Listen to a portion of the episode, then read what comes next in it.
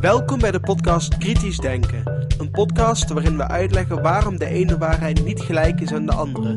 En hoe je kunt vaststellen waarom de ene waarheid juister is dan de andere. Waar we uitleggen waarom het belangrijk is om alles kritisch te bekijken. Ook deze podcast. Goeiedag, het is vandaag zondag 17 oktober 2010. Ik ben Jozef van Giel en dit is de 68e aflevering van deze podcast. Deze aflevering kwam tot stand mede dankzij Rick de Laat. De muziek is van Nick Lucassen. Vandaag bespreken we de illusie van genezing. Het oorspronkelijke artikel komt uit de website van de Nederlandse Vereniging tegen de Kwakzalverij. Een link naar dat artikel vindt u op mijn website. De illusie van genezing.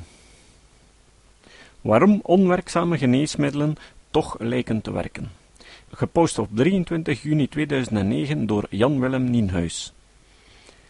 Niet-reguliere genezers en hun klanten hebben vaak het idee dat ze echt genezen. Bij wetenschappelijk onderzoek blijft er niets over van wat zo overduidelijk waar leek in de dagelijkse praktijk. Hoe komt dat? Of beter, waar komt die illusie van genezing vandaan? De jong overleden psycholoog Barry Beierstan schreef daar in 1997 een artikel over dat inspiratie was voor het onderstaande. Natuurlijk verloop. In de eerste plaats is er wat ik hier maar het natuurlijk verloop van de ziekte noem. Verkoudheid gaat vanzelf over, en dat is bij meer ziekten het geval. Vele andere ziekten hebben een grillig en wisselend verloop.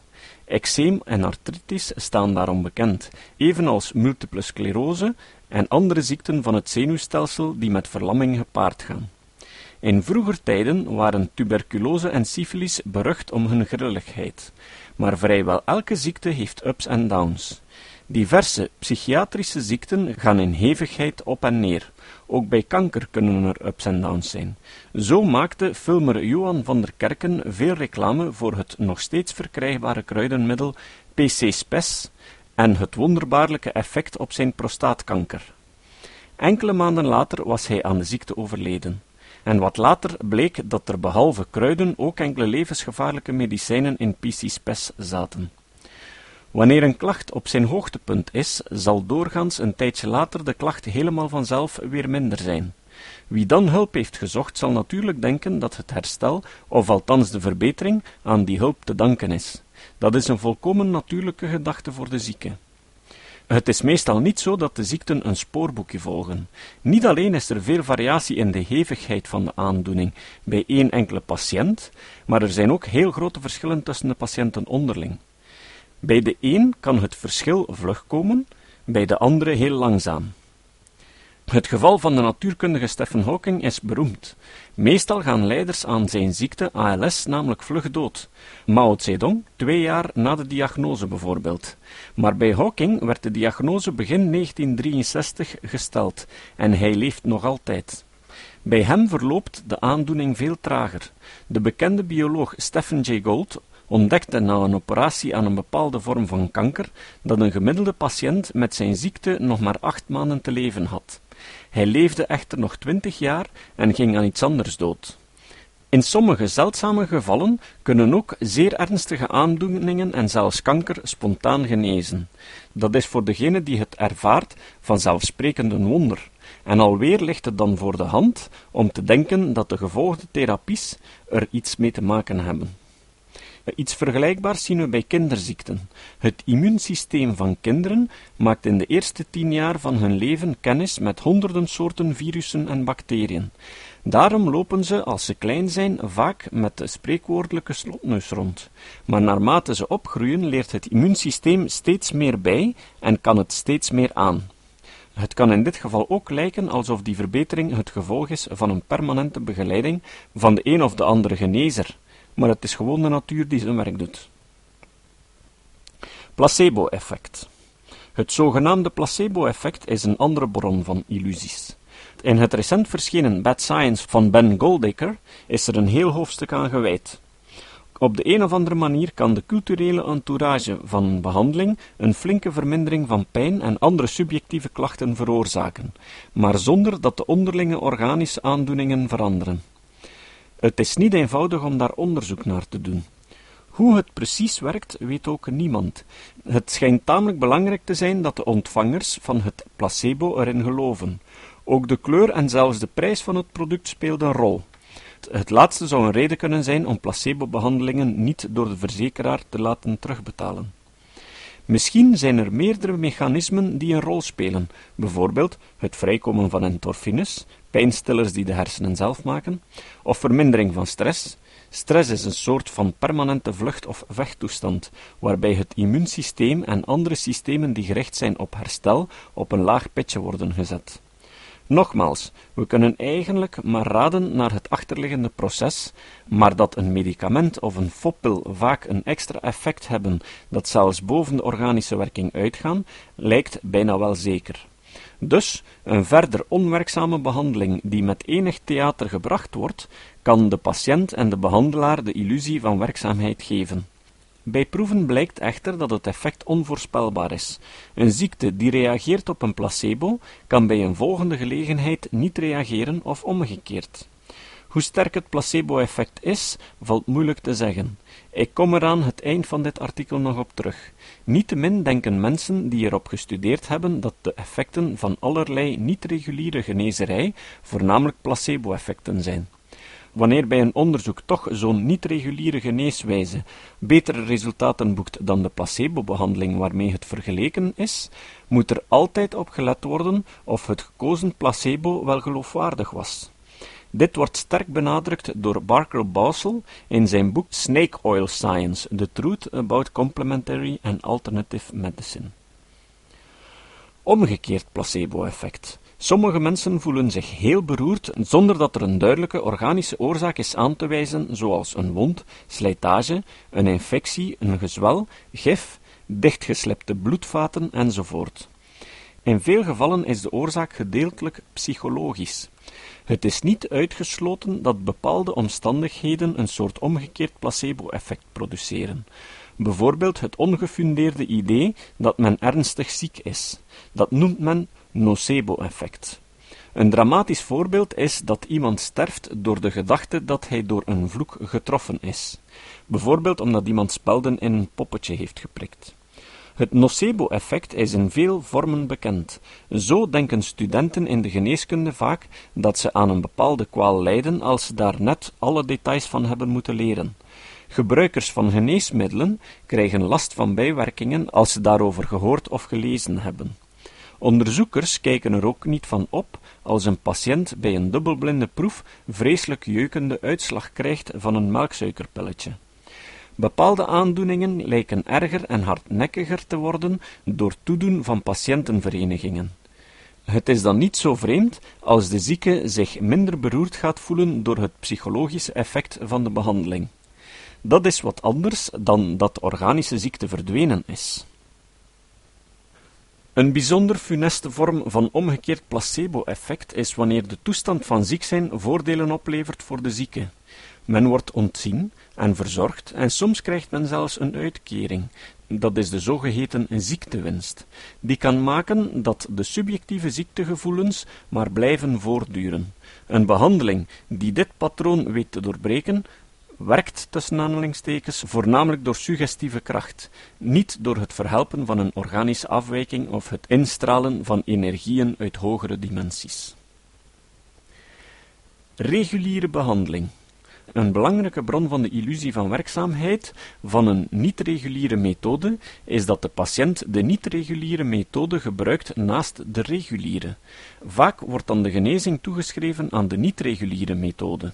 Dat ondervond John Diamond toen die keelkanker had, waar hij uiteindelijk aan stierf. Hij was columnist in de Times en schreef daarin veel over zijn ziekte. Zijn ervaringen werden postuum gepubliceerd als Snake Oil and the Other Preoccupations in 2001. Hij was tamelijk bekend en kreeg 30.000 brieven, waarvan er 5.000 hem een alternatieve geneeswijze aanraden, en in de helft van die gevallen één waarbij de briefschrijver of een goede kennis van de schrijver zelf baat had gehad. Maar telkens als John Diamond dan de moeite nam om een wondergenezing te controleren, bleek de betrokkene een orthodoxe therapie te hebben ondergaan. Ook verhalen als ik was naar huis gestuurd om daar dood te gaan, bleken in werkelijkheid verkeerd herinnerde mededelingen te zijn in de trant van als deze bestraling niet helpt, dan heeft u nog maar weinig tijd over. Het is natuurlijk mogelijk dat iemand door de psychologische ondersteuning van zo'n niet-reguliere behandeling goede moed krijgt en dan ook beter meewerkt aan de reguliere behandeling. Veel is daar echter niet over bekend. Verkeerde diagnose. Tot nu toe ging het over de patiënt die echt beter wordt, al is het maar subjectief. Maar in veel gevallen wordt de patiënt niet beter, omdat hij om te beginnen niet echt ziek was. Het kan zijn dat de therapeut met de een of andere fantasiemethode een ziekte vaststelt die er helemaal niet is, en die is uiteraard makkelijk te genezen. Dezelfde fantasiemethode kan namelijk tussen aanhalingstekens vaststellen dat de ziekte er niet meer is na de tussen aanhalingstekens behandeling.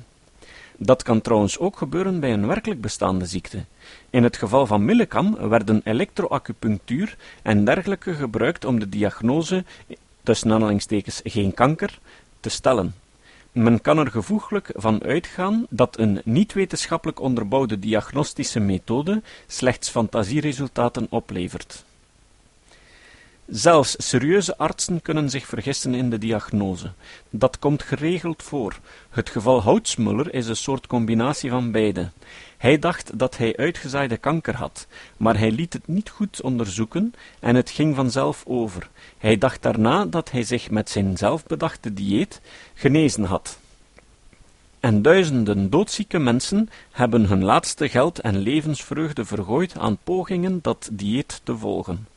Bij wondergenezingen van kanker of HIV-besmettingen moet er eerst uiterst betrouwbaar regulier zijn vastgesteld dat die ziekte er tevoren was.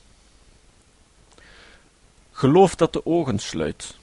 In de situatie dat iemand een dure en gecompliceerde niet-reguliere behandeling volgt, die helemaal niet werkt, kan het zijn dat men domweg de ogen sluit voor de onwerkzaamheid, omdat men zichzelf niet kan toegeven onverstandig te zijn geweest.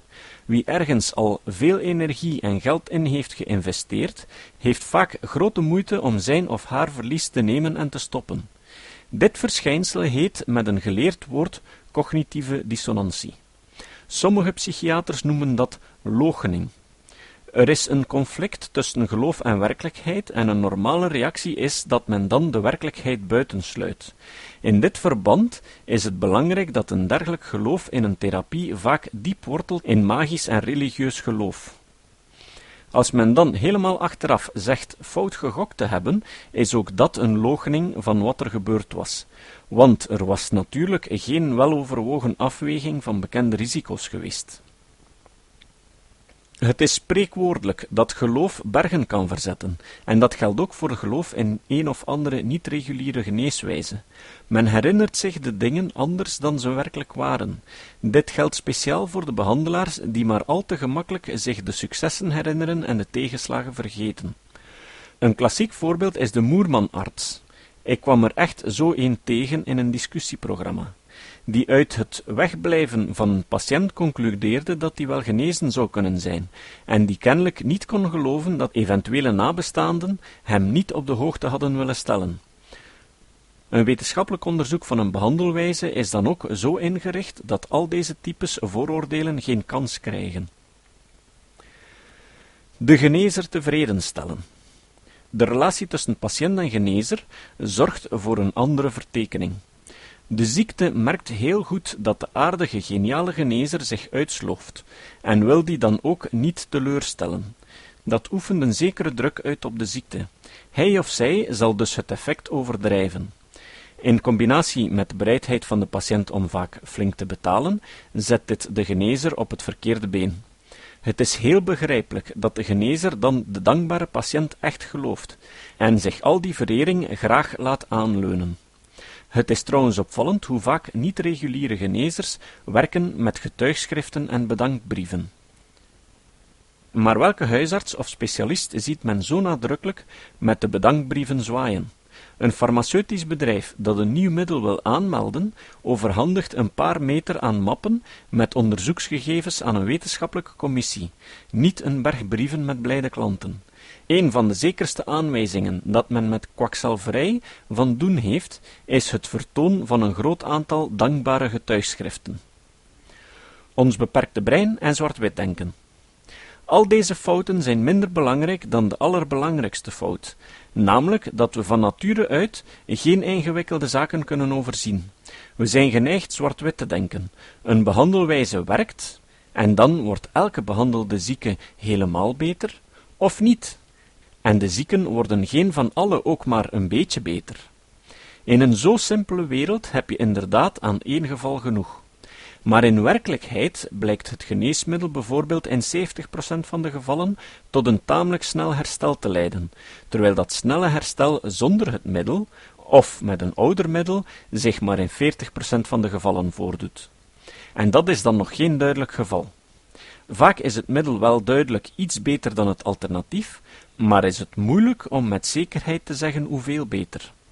Hoofdpijn gaat zonder pil ook wel over, maar met een goede pil vaak een stuk vlugger. We kunnen niet van nature rekenen met statistiek en waarschijnlijkheid, terwijl de gegevens over werkzaamheid van geneeswijzen altijd verkregen worden in statistische termen. Niet genezen lotgenoten. Al deze illusies dragen ertoe bij dat mensen geloven in de werkzaamheid van onwerkzame of zelfs schadelijke middelen en behandelingen. Sommigen, zoals Houtsmuller en de correspondenten van Diamond, gaan zulke geloof krachtig uitdragen. Iemand die de een of de andere kwaal of klacht krijgt, zal vaak lotgenoten om raad vragen of ongevraagd zulke raad krijgen. Een dergelijk advies zal dan een aanbeveling zijn van een middel dat de andere zieke gebruikt. Omdat men langer ziek blijft bij gebruik van een niet werkzaam middel dan in het geval van een effectief middel, zullen er meer positieve adviezen verspreid worden over onzinmiddelen. Bovendien schamen de meeste mensen zich als ze ontdekken dat ze zich hebben laten inpakken door kwakzalverij. Hoe ben ik toch zo dom kunnen zijn, denken ze dan. Bouwsel geeft in zijn boek het voorbeeld van zijn eigen schoonmoeder die om de paar maanden enthousiaste verhalen vertelde over het nieuwe middel dat ze aan het uitproberen was voor haar artritis. Ze legde echter nooit uit waarom ze met al die vorige middelen was opgehouden omdat er dus minder opgetogen verhalen over werkzame dan over onwerkzame middelen verspreid worden, kan het gebruik van de laatste zich makkelijker verspreiden. Dit paradoxaal resultaat, het geloof in een middel verspreidt zich makkelijker naarmate het minder werkt, is door de wiskundig bioloog Mark Tanaka in detail uitgewerkt. Wetenschap het hele idee van wetenschappelijk onderzoek van geneeswijzen is dat men al die foutbronnen, natuurlijk verloop, placebo-effect en beperkingen van ons brein, zoveel mogelijk probeert uit te sluiten. Dat gebeurt door allerlei methoden, in de eerste plaats door het effect van een middel of behandeling bij meerdere ziekten uit te proberen. Voorts, door altijd te zorgen voor goed vergelijkingsmateriaal en door een veelheid van andere controles, want de wetenschap is allergisch voor tegenstrijdigheden. Een belangrijke controle is dat voorafgaande aan het onderzoek het al wetenschappelijk aannemelijk moet zijn dat de behandeling werkt. Andere controles zijn publicaties in een wetenschappelijk tijdschrift en herhalingen van het onderzoek door onafhankelijke onderzoekers. Overigens let men bij wetenschappelijk onderzoek ook zo goed mogelijk op veiligheid, bijvoorbeeld op zeldzame ernstige bijwerkingen. Ook daar kan men op basis van één geval niets over zeggen. Voorstanders van niet-reguliere behandelwijzen beweren vaak dat hun methoden niet wetenschappelijk kunnen worden onderzocht. Zo stelde ik eens de verkoper van ingestraald zeezout voor een dubbelblinde proef te doen. Dat wees hij af, want dat werkte niet. Dat had hij al ondervonden. Hij wist ook de verklaring. Zijn zout was met kosmische intelligentie ingestraald, onder een piramide als ik me goed herinner. En die intelligentie werkte doordat hij ermee kon communiceren, en dat laatste was in een geblindeerd opzet onmogelijk. Veel andere tegenwerpingen tegen een wetenschappelijk onderzoek zijn van eenzelfde verpletterende domheid. Niettemin gaan mensen die weten dat ze aan een wetenschappelijk onderzoek meedoen anders reageren. Doordat vooraf toestemming moet worden gevraagd om als proefkonijn te fungeren, krijgt men om te beginnen al een verzameling proefpersonen die niet zonder meer als representatief kan worden beschouwd voor een gemiddelde patiënt. Verder doet men veelal onderzoek met nieuwe middelen. Als vele jaren later het nieuwe middel een oud middel is geworden en fungeert als vergelijking voor een nog nieuwer middel, dan blijkt het vaak veel slechter te presteren dan toen het nog nieuw was. Door welke psychosociale factoren dit precies veroorzaakt wordt, is onbekend. Misschien is de nieuwigheid een belangrijk ingrediënt van het placebo-effect. Maar het is ook mogelijk dat men bij het latere onderzoek een overmaat aan patiënten krijgt bij wie het oud middel niet goed werkt. Voor die onwerkzaamheid kunnen weer veel oorzaken zijn. De ziekteverwekker kan resistent geworden zijn, of sommige patiënten reageren nu eenmaal door genetische aanleg niet op het middel. De individuele patiënt die met maar één kwaal en één behandelaar te maken heeft, kan natuurlijk niet tot wetenschappelijk betrouwbare conclusies komen. De individuele behandelaar, die mogelijk wegens gebrekkige opleiding niet bekend is met het natuurlijk verloop of het placebo-effect, en die niets doet om foute oordelen te vermijden, kan dat evenmin. En zo komen de illusies van genezing in de wereld. In de alledaagse werking van patiënten en behandelaars zijn het placebo-effect en allerlei effecten van verkeerd interpreteren van het natuurlijk verloop of roze bril bij patiënten en behandelaar niet goed uit elkaar te houden. Het is nog niet zo lang geleden dat men nieuwe behandelingen systematisch begon te vergelijken met placebo-behandelingen. Toen in 1955 een flink stel van die onderzoeken naast elkaar werden gelegd door Henry K. Beecher in zijn artikel The Powerful Placebo, Journal of the American Medical Association, volume 159, nummer 17 van 24 december 1955, bleek dat ook in de placebo-groep van veel onderzoeken er veel mensen beter werden. Hoewel het meeste daarvan waarschijnlijk gewoon natuurlijk verloop was, werd dit aanvankelijk voor placebo-effect gehouden. Zodoende werd lang geleden geponeerd dat het placebo-effect voor wel 35% van de genezingen verantwoordelijk was. Er waren natuurlijk flinke verschillen, zelfs binnen één enkele categorie, ernstige pijn van operatiewond.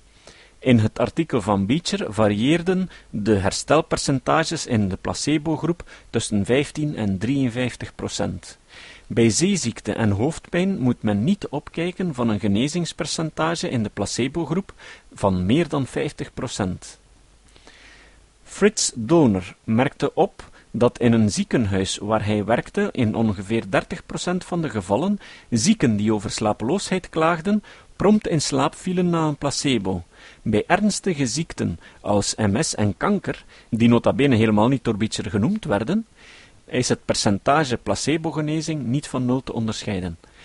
Later onderzoek heeft aangegeven dat het placebo-effect in veel gevallen tamelijk bescheiden is. Men kan dus helemaal geen gemiddeld percentage geven voor het placebo-effect, net zo min als stenen een gemiddeld gewicht hebben. Echt grip op het placebo-effect krijgen is nog niemand gelukt. Het citaat. Het citaat van vandaag komt van Albert Einstein. Einstein zei: Iedereen die nooit een fout maakte, heeft nog nooit iets nieuws geprobeerd. Tot de volgende keer. Dit was de podcast Kritisch Denken. Vergeet niet om alles kritisch te behandelen, ook deze podcast. Voor verdere informatie over deze podcast, links en voor de tekst, surf naar www.kritischdenken.info. Als je deze podcast belangrijk vindt, kun je me steunen door anderen warm te maken ook eens te luisteren. Stuur een e-mail naar vrienden met een link naar de website en plaats de link in de handtekening van je e-mails. Tevens kun je op iTunes deze podcast een beoordeling geven of een recensie schrijven. Of je kan op je eigen website of blog een link naar kritisch denken plaatsen.